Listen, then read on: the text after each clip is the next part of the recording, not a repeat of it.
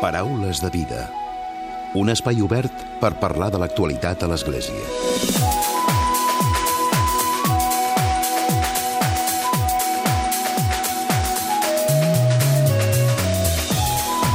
Què tal? Salutacions i molt bon dia, molt bon diumenge. Un grup de feligresos de la parròquia de Santa Maria i Sant Nicolau de Calella, al Maresme, han participat recentment en un pelegrinatge fins a Terra Santa. Han estat acompanyats i guiats pel responsable d'aquesta parròquia, per mossèn Cinto Busquet. Diversos, durant diversos dies, han pogut visitar diferents llocs emblemàtics pel cristianisme. Van passar, entre d'altres, per Jaffa o a Nazaret, on van poder celebrar la festa de la Mare de Déu de Montserrat.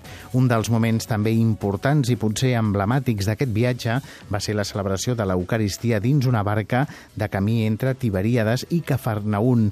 Els feligresos calellencs van poder també pregar per la pau a Síria i al món i ho van fer al Golan, a prop de la frontera d'Israel amb Síria. De seguida en fem balanç d'aquest viatge, d'aquest pelegrinatge, en conversa amb mossèn Cinto Busquets.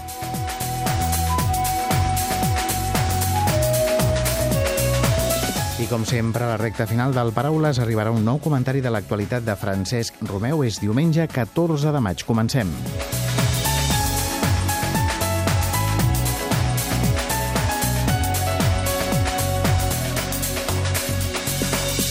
I saludem, donem la benvinguda a mossèn Cinto Busquets. Molt bon dia. Molt bon dia, Emili. Un pelegrinatge durant uns quants dies. De fet, va ser a finals d'abril i els primers dies de maig, oi?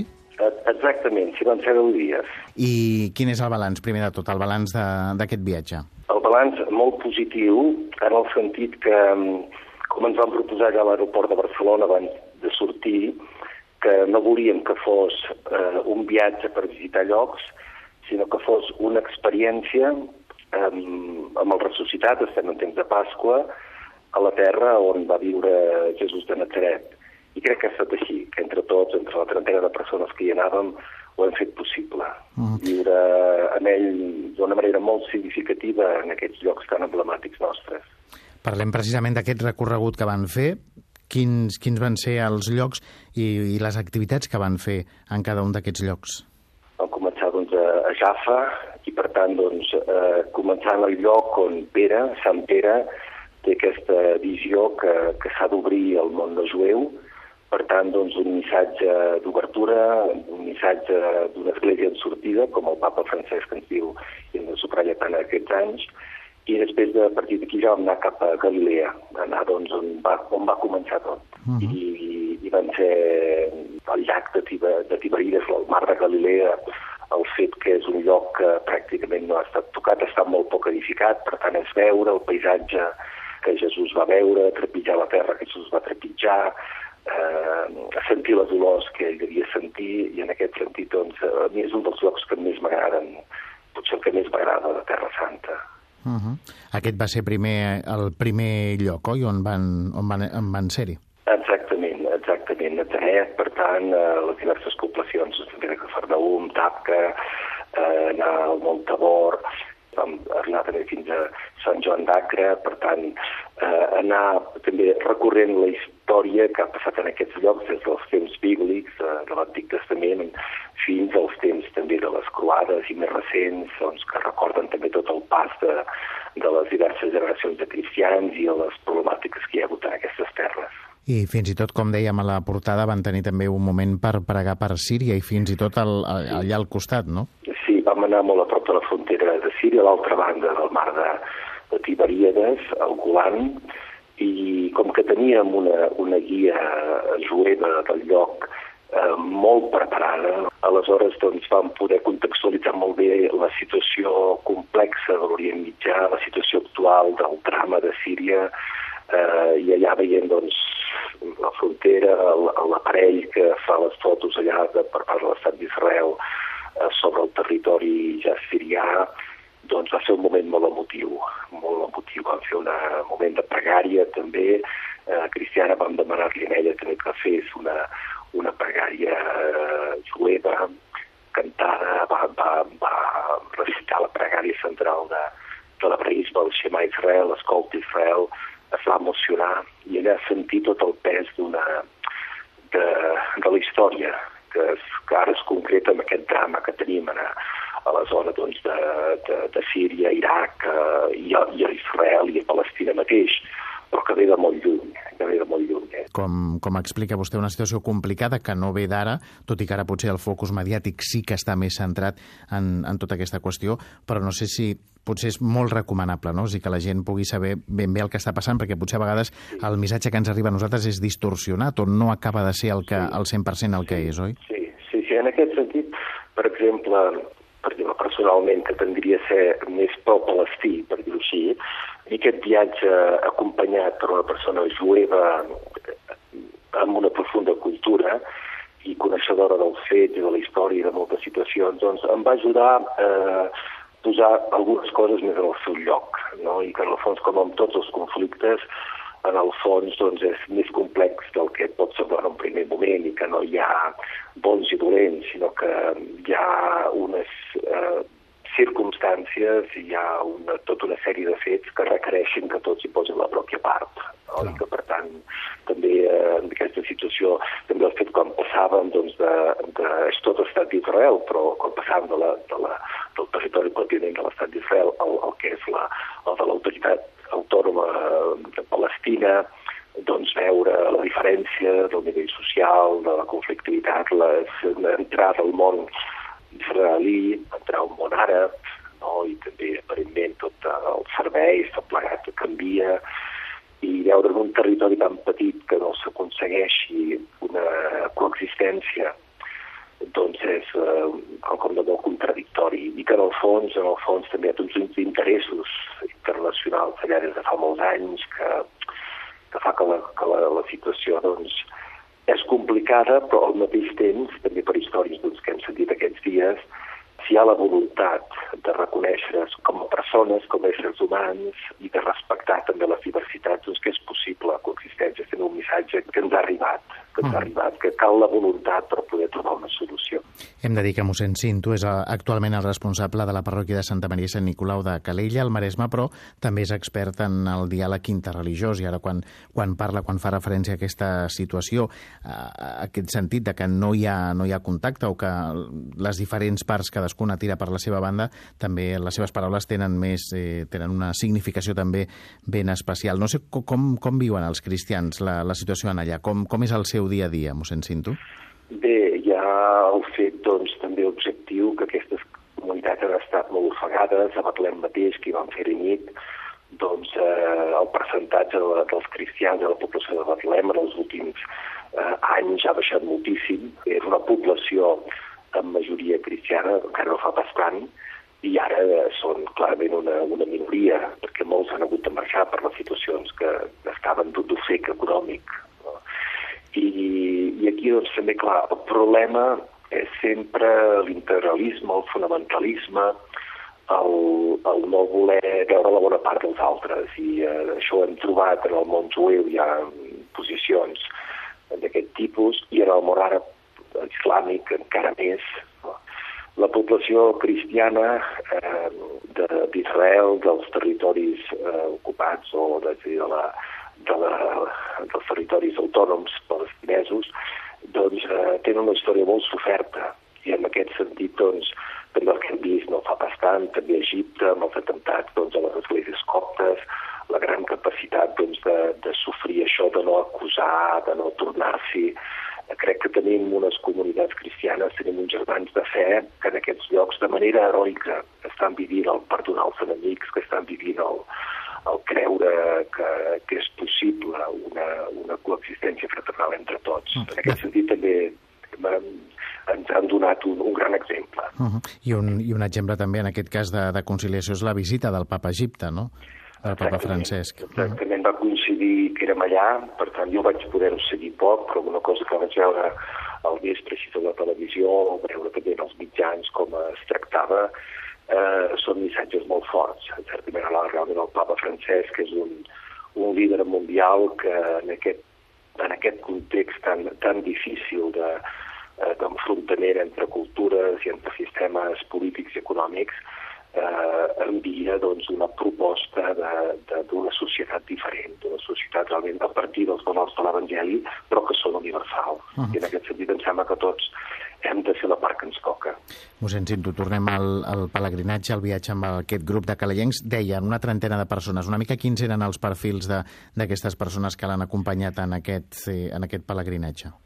Molts matriones de mitja edat o que van que jubilant, tenim algun de més jove, teníem, a part de gent de la, de la parròquia, algun altre matrimoni del Maresme que havia sabut que s'hi afegit, algú de, també se'ns va afegir de Banyoles i de la Cerdanya, que són els llocs on jo recentment també he estat eh, fent un servei pastoral, i era un grup doncs, que era molt heterogeni com a provenences, però que des del primer moment vam trobar una entesa a nivell de fe i que, per tant, d'una manera també molt, molt joiosa i molt festosa, vam poder anar fent unes experiències molt profundes i molt fraternals. Uh -huh. tant, personalment també he tornat molt edificat, molt content. Eh, eh, la gent aquí també de, de Calella veient, vam tornar a fa pocs dies, fa menys una setmana, i diuen, es nota que, que heu vist el Senyor per allà, no? Però realment hem, hem quedat tocats. Uh -huh. Ha estat una experiència de Pasqua. De fet, abans parlava dels diferents llocs, els diferents indrets pels quals passaven i on també sempre feien la, la celebració, no? On celebrava sí. amb aquest grup de persones, oi? Sí.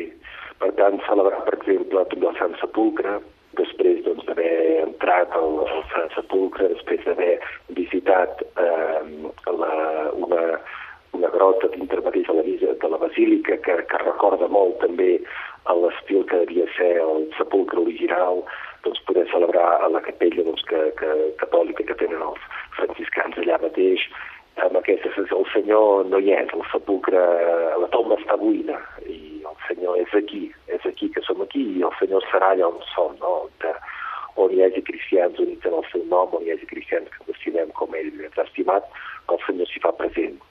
Era una constatació, era una constatació. I ja per acabar el moment més especial de tot el viatge o el, aquella imatge que, que li deixa el viatge?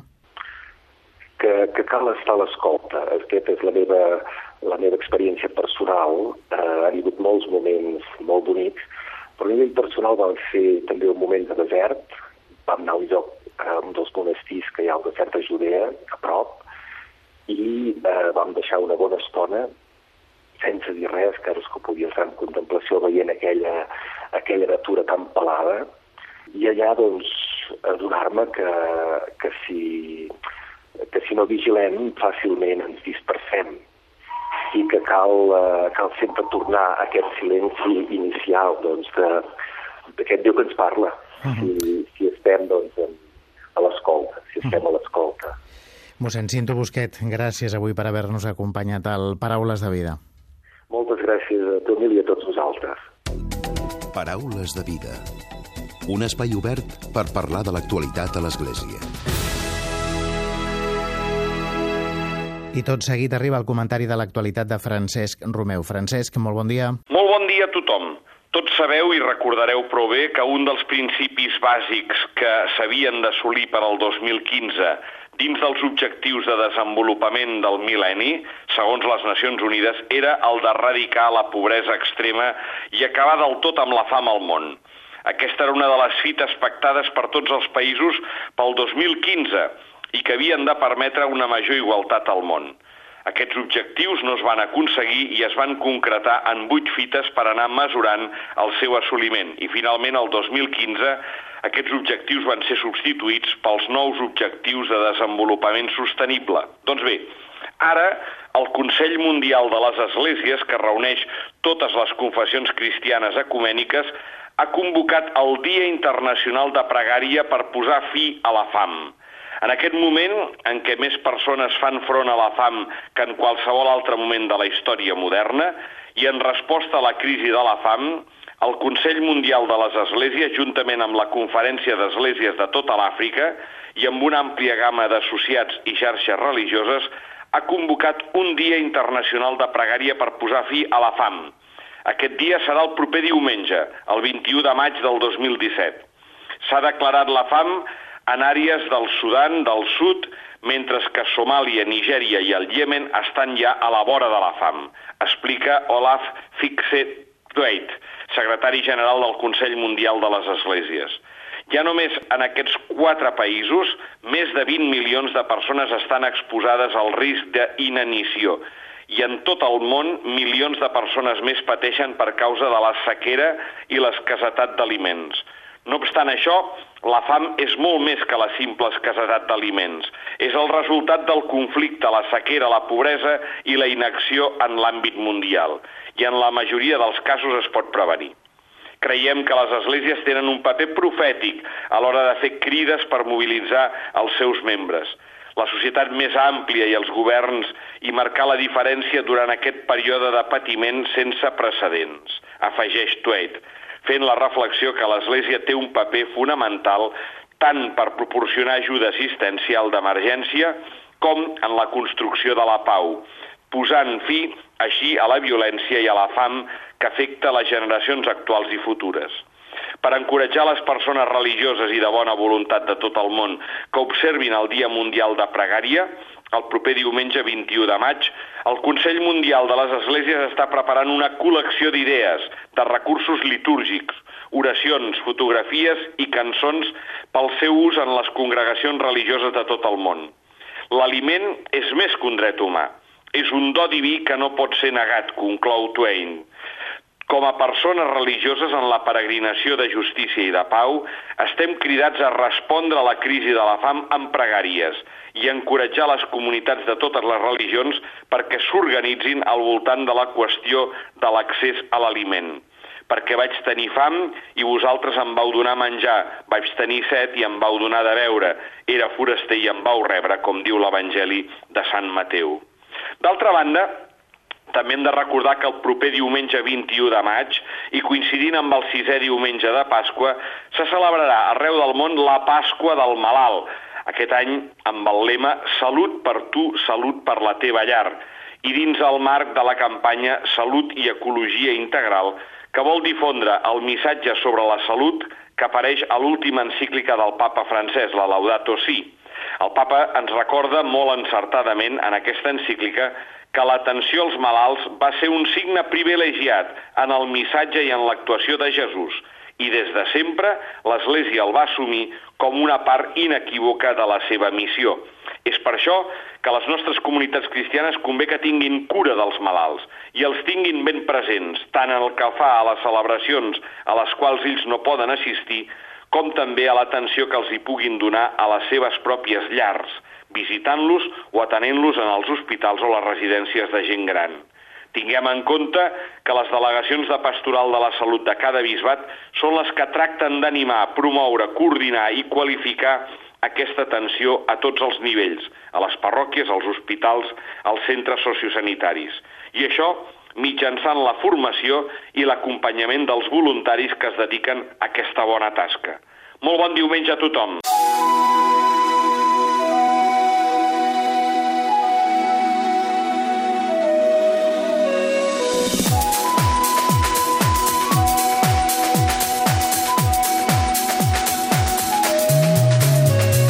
Fins aquí el Paraules de Vida d'aquesta setmana, d'aquest diumenge. En Josep Maria Marçà ha estat el control tècnic i qui us ha parlat, l'Emili Pacheco. Que passeu bon diumenge i una molt bona setmana.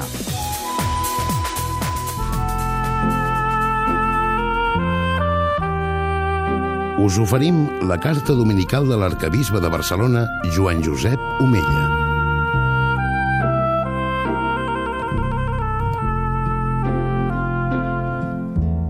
Déu vos guard. Aquest diumenge voldria fer una crida a la valentia i a la fortalesa per confessar i viure la fe, per donar raó de la nostra fe en qualsevol temps i lloc. És cert que vivim temps en què podem tenir la impressió d'estar suportant un eclipsi d'espiritualitat, un silenci de Déu que fa difícil i dur el fet de ser cristià i manifestar-se com a tal. La nostra societat occidental, orgullosa pels seus avenços tècnics i el seu desenvolupament econòmic, a vegades sembla viure com si Déu no existís o, si més no, amb por de reconèixer la seva fe. No obstant això, faríem malament d'acobardir-nos en circumstàncies similars, Jesús va dir als seus deixebles que els vostres cors s'asserenin. Creieu en Déu, creieu també en mi. Per ser cristians no podem aïllar-nos de la resta d'homes i de dones que viuen en el món, sinó que hem de compartir amb ells la construcció de la nostra societat, tenint en compte el model que ens ha anunciat Jesucrist, el regne de Déu. Proposar aquest regne, viure amb els criteris de Déu, pot comportar-nos serioses dificultats, com així les han patit els bons cristians de tots els temps. Amb quina bellesa i expressivitat va exposar aquesta idea Justí, el sant apologeta del segle II, que en el seu discurs a Dionet afirma als cristians els avorreix el món sense haver rebut ofensa d'ells perquè renuncien als plaers. Tal és el lloc que Déu els ha assenyalat i no els és lícit desertat d'ells. Per la seva part, el Concili Vaticà II ens recordava el mateix en un paràgraf memorable. Els goig i les esperances, les tristeses i les angoixes dels homes del nostre temps, sobretot dels pobres i dels que més pateixen, són alhora els goig i les esperances, les tristeses i les angoixes dels deixebles de Crist.